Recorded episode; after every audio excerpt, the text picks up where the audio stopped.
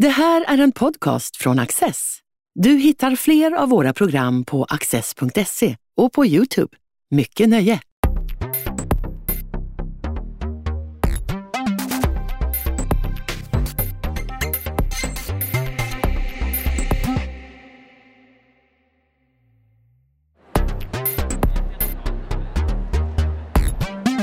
Gunnar Broberg ger oss en ny bild av Carl von Linné, både som ett geni och som en personlighet som kunde haft ADHD och som planlade sitt liv redan vid 23 års ålder. Linné skapade naturens ordning. Han inventerade, klassificerade och beskrev växter, stenar och människor.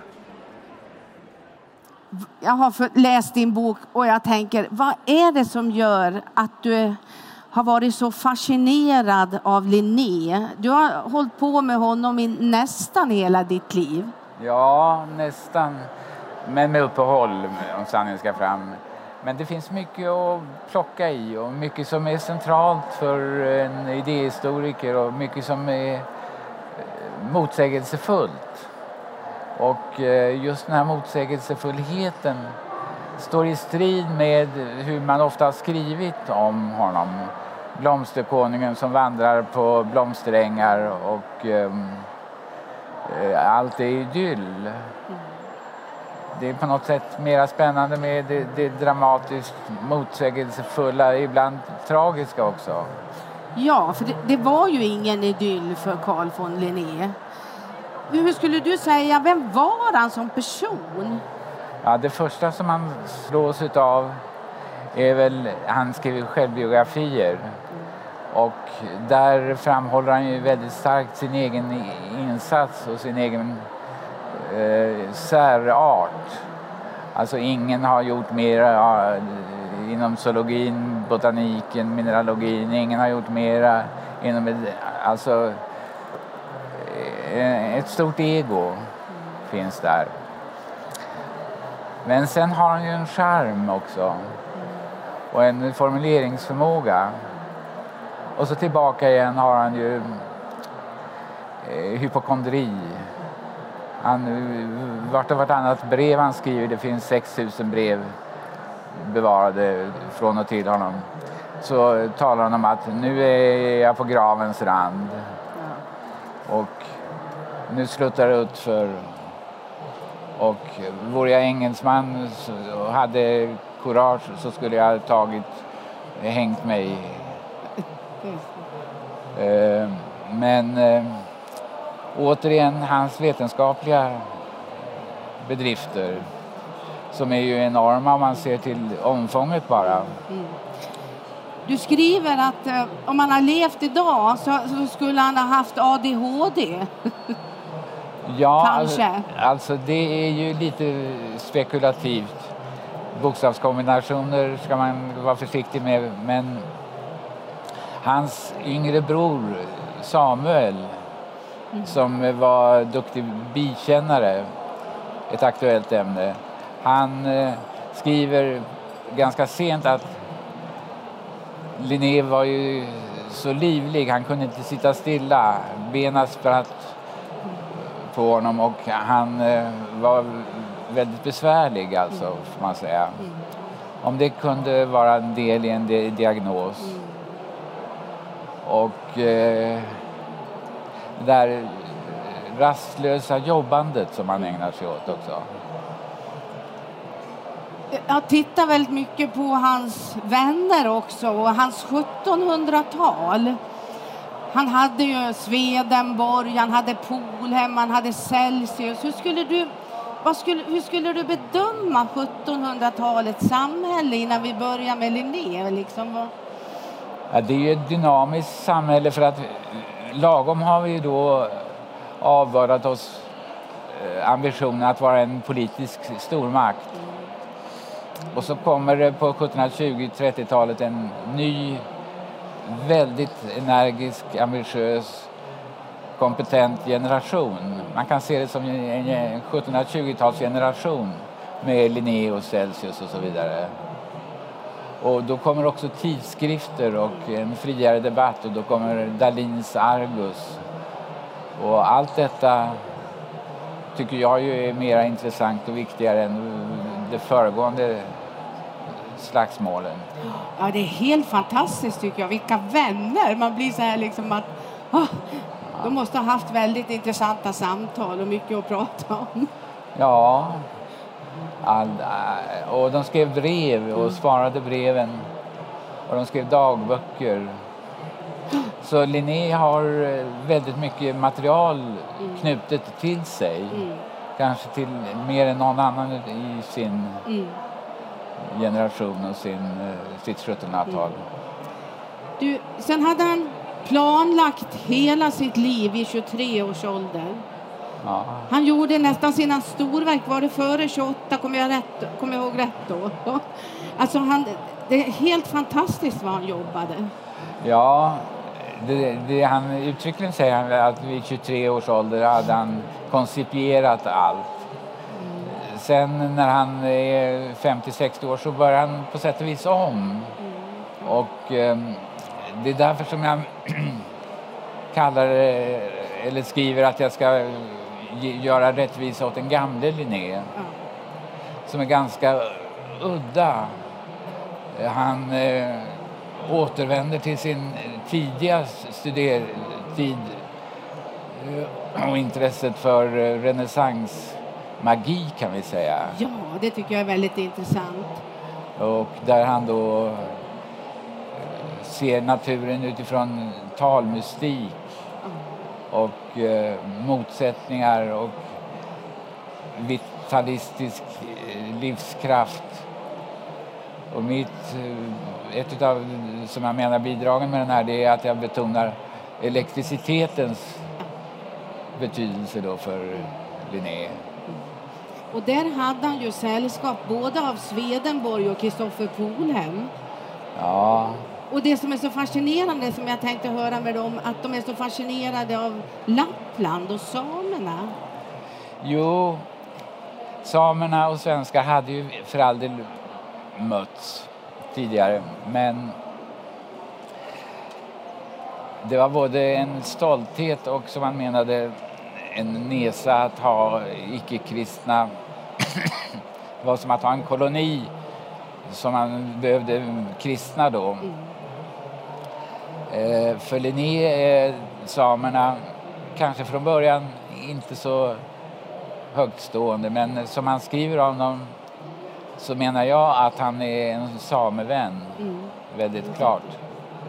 Och han skriver om dem också som en kritik mot eh, hovliv och klemighet och eh, alltså de, de är efterföljansvärda dessa samer som lever enkelt och som, med naturen. Och om han skriver grovt talat att de är som djur så menar han det är väldigt positivt. Ja. Det är någon sorts primitivism som han själv vill uppnå men som han med växande ålder kanske tappar smaken för. När, när, han, när han ordnade naturen, då satte han ju människan med aporna, eller hur? Ja, det är en hierarki av olika grupper där då den översta gruppen i djurriket, alltså släktet, för det första är människan, homo. Och sen därefter sätter han simia, apan. Och sen med lite växlande ordning i olika upplagor av detta system av naturer så har han eh, olika or organismer. Men eh, just den där kopplingen mellan människa och apa fascinerar honom väldigt. Och felande länk finner han också Eh, där, han, där vill han helt enkelt hitta no, no, några organismer och då hittar han på kan man tycka, alltså en, tre ytterligare människoarter har han för att brygga över det här avståndet människa, mellan människa och apa. Homo troglodytes, grottmänniskan, Homo caudatus, svansmänniskan, Homo lar, eh, tomtegubben, eller vad man ska kalla det. Det är alltså någon sorts eh, schema man ska fylla i, en kedja som går från det enkla till det mera fulländade och det är människan då. Men människan, du och jag, vi heter ju Homo sapiens. Men detta är inte så att vi skiljs åt från djuren. För att vi blir bara Homo sapiens om vi gör vissa saker. Vi letar visdom. Och eh, ja, i stort sett för att bli Homo sapiens ska man läsa linjeansk vetenskap. Förstå skaparens storhet. Tänk på det, alla som heter Homo sapiens. På något sätt, han ordnar ju egentligen inte bara naturen. Alltså, ja, det gjorde han ju. Det var ju liksom djuren, blommorna, men också han var inne på mineralerna och Ja. stenarna. Alltså, han har en grunddefinition på naturen som, som är i översättning stenarna växer, växterna växer och, och, eh, och lever. Djuren växer, lever och känner. Så stenarna växer, alltså stenarna lapides, inte minera. Och det där är lite mysko. Det är ungefär som att nere i hans hembygd Småland så växer stenarna ur jorden i dessa landskap. Hur, hur skulle du definiera hans eh, vetenskap, linjeanismen? Vad, vad är hans eh, absoluta storhet, alltså enligt dig? Länge har han förknippats med sexualsystemet i växterna och det tycker jag är att begränsa det för han eh, börjar visserligen där men sen kommer djurriket in väldigt starkt och som sagt mineralriket eller stenriket. Det är helheten som är det remarkabla. Och den helheten den samlar han i system av naturen, naturens system som är en sorts totalinventering av allt vad som finns på jordklotet. Och som också sen har fortsatt, som bara har vuxit och vuxit, den skriften. Så just helheten som också skapar en sorts projekt för eh, lärjungarna, apostlarna, men som också har gällt framöver och som gäller fortfarande idag. Ja. Jag har en vän, när han läste eh, biologi så fick han hundra växter som de, han skulle definiera och han fick bara ha fel på sex Ja, stycken. Så att det var liksom, det, det, det var inte länge sedan. Det li- liksom finns kvar på något sätt. Alltså. ja alltså man kan ju tala om, eller brukar tala om att det är Luther i svensken med arbets, äh, arbetsamheten, men man kunde också tala om det är Linné i svensken. Det ligger också kvar. Men du, han var ju, på, en, på ett sätt var han ju världsberömd om man nu kan säga det. Liksom, han var ju väldigt berömd utomlands. Han hyllades på universitetet. Hans studenter älskade hans föreläsningar. Men han hade kritiker också. Han var kanske för dominant kan man säga och eh, den eh, ska vi säga, motsättningen har väl funnits kvar länge. Hans vetenskap är taxonomin, alltså systematiken. Men eh, fysiologin är han inte alls lika hemmastad på och han, han är professor i medicin och han skulle inte kunna tänka sig att skära i en eh, kropp till exempel. Och eh, sen som sagt, han, han var ju den som dominerade Uppsala universitet. Och de unga lejonen de röt där i buskagen. Och, och han var inte alltid generös heller med sin kunskap eller med sina samlingar. Har du några såna här värsta kritiker som tyckte mest illa om honom? Torbjörn Bergman, kemist av världsklass. Länge Nils Rosén, pediatrikens grundläggare. Men de blev vänner på senare år. Och ehm, kanske hans hustru. Hans hustru?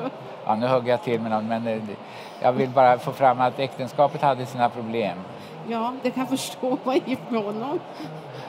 Hans liv är som, inte, inte som våra vanliga liv, människors liv, men den innehåller det mesta. Hade det någonting att göra med kritiken? Jag tänker på med det här med mysticismen och hans nära, han var ju till och med släkt med Swedenborg. Och Swedenborg han blev ju ratad av, av alla nästan naturvetare när han liksom gick in i den här okulta världen. Hade det någonting att göra med Linné också? Ja, det saknas lite mellanled här. Ja. Men man kan lugnt säga att de två mest berömda svenskarna under 1700-talet och kanske under hela vår historia kände till varandra och eh, hur mycket de älskade varandra är ju oklart. Men till exempel när Linné kommer från utlandet och ska bosätta sig i Stockholm och bor i Räntmästarhuset så ska han då byta bostad och då blir Swedenborg hans efterträdare. Mm. Till exempel när Vetenskapsakademin ska ha in en ny ledamot så föreslår Linné Swedenborg. Mm. Och så har han några citat också. Mm. Du hade så bra, jag hade skrivit upp dem jag hittade inte, du hade så bra citat om Linné och Swedenborg i din bok. Ja, Ja, det, det var så talande om dem som människor tillsammans, som släktingar. ja, ja. ja, ja Swedenborg är ju misskänd. ja. Eh, svensken är väldigt rationell och Swedenborg Mm. är rationell på ett annat sätt. Och eh, Ja. samtidigt är han en av de mycket få svenskar som har Mm. skapat en rörelse och som fortfarande lever. Du hittar det. Linné är jordisk, Swedenborg är himmelsk. Ja, det var väl bra. Det är jättebra skrivet. Du, jag tänker på hans ålderdom och hans hälsa. Och det som är väldigt intressant som jag hittade också, det är ju, eller som du har hittat givetvis, det är ju hans gudstro. Den var ju väldigt stark. Och- den här boken, Nemesis Divane, Eh, en, det är Nemesis Divina. Divine, ja. Men det handlar väldigt mycket om divanlivet. Ja, så att ja tand för, öga för öga, tand för tand. Ja, det var en freudiansk eh, slip där. Ja, Alltså det är ju helt fascinerande hur han gick och samlade exempel. Ja, Varför han trodde att, att Gud straffade den som gjorde orätt. alltså det är ju någon sorts balanslära. Man får inte träda över sina villkor för då slår nemesis till. Mm. Och eh, det är Gamla Testamentet å ena Ja. sidan, öga för öga, tand för tand. Ja. Å andra sidan är det ekologi, en ekologisk balanslära. Sen är det också en skvallerkrönika om man så vill. Fascinerande också att se den sidan av 1700-talet. Mm. Det har talats om att man skulle göra film på Nemesis Divina. Det var ett tag sedan visserligen, Ja. men eh, den skulle bli klart barnförbjuden. Han har minst hundra exempel, jag har sett 300 på något ställe, men minst hundra exempel på när Gud straffar de som har gjort orätt. Ja, Kan du, kan du berätta om något? ja. Den eh, som ligger närmast Linné skulle väl vara Greta Benzelia-fallet. Greta Benzelia var alltså dotter från en biskop och eh, alltså en eh, fin flicka så att säga. Och hon gifter sig med en eh, akademianställd bibliotekarie. Men hon ger sig ut med studenterna och lever om. Och då blir de förskjuten hemifrån och då bor hon hos Olof Rudbeck den yngre. Men eh, hon sköter sig inte utan Rosén, läkaren, återfinns enligt Linné i hennes säng. Och det låter ju väldigt graverande för sin tid. Och, men läser man på annat stä- ställe så står det att Linné fick sparken beroende på en slinka, Greta Benzén. Ja, han, han blandar in sig själv också. Ja, han var själv inblandad. Ja. Men han gör på något sätt också en teori av det här. Han, han återknyter det till, till är det framförallt första testamentet. Va? Det gamla testamentet? Gamla testamentet, ja. Jo, jo då, han, eh, det är gamla testamentet som spelar någon roll egentligen i hans, Ja. dels skapelseberättelsen och dels den hämnande guden. Ja. Och eh, det gör att han inte kan sägas vara ortodox. För han nämner aldrig Jesus och frälsningen. Mm. Och det finns andra saker också som tyder på att han hade en allt mer egensinnig religiositet. Mm. Men religiositet. Mm. Men du, jag tänker så här också på Linné, att han, han strukturerar ju... Han strukturerade naturen. Men på något sätt så, så hade han ju även en social ådra. Han strukturerar ju även eh, samhället på något sätt. Ja, Jag tänker på det här när han tittar på fattig och rik till exempel. Eller när han tittar på land och stad. ja, Hela den delen som också handlar lite grann om ja, hattar och mössor. Och att, att han ger en struktur nästan som vi har, även där har kvar idag. Vad säger du om det? Jo, han har motsatsställningar, po- polariteter som han eh, eh, dras till. Detta är den saken men inte den saken. Och då är man inne på hans psyke i vad mån han är närmast neurotiskt ordningslidelses människa. Eh, bland annat så sån motsättning mellan land, stad, natur och odling och kultur. Där brukar vi förknippa Linné med naturen. Men man kan mycket väl eh, lika mycket uppmärksamma hans intresse för staden och för uppbyggnaden. Skulle naturligtvis vara intressant att veta hur han skulle ha ställt sig till dagens samhälle. Absolut. Han blev ju gammal och naturvetenskapen blev ju inte så populär heller på slutet. Det, det var ju Gustav den tredje, han satsade ju lite på, på teater och kultur och helt annat. Och han hade det lite tufft där. Och sen också det här att han var så fascinerad vid sin egen hälsa. Han titta hur han titta, ja, nu, nu blev jag tandlös och nu, nu går jag Ja. lite krökt. Och, Jo, och sen eh, det sorgmodiga när han blir ganska nära döden. Han minns inte sin egen vetenskap. Han kunde själv inordnas i nemesis divina Ja. under någonting amnesia eller eh, superbia över. Och han hade också väldigt tydliga regler för hur han skulle begravas, eller hur? Ja, Man fick inte se honom. Det är ganska kärva ord.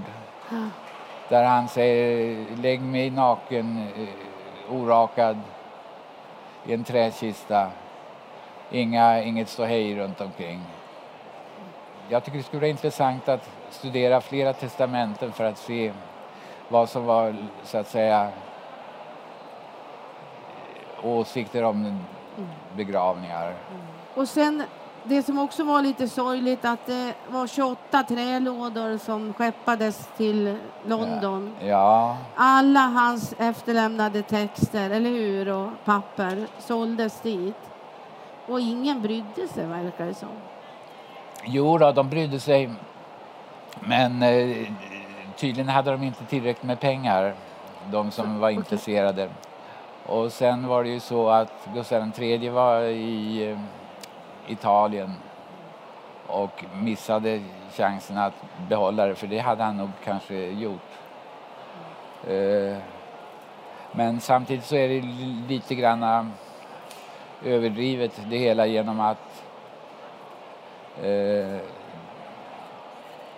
man brukar säga att han blev, det här skeppet med, som hade samlingarna blev jagat utav en engelsk, av en, av en svensk fregatt som då börjar skjuta på den här, eh, vilket inte är särskilt smart om man vill behålla men det är nog intressant.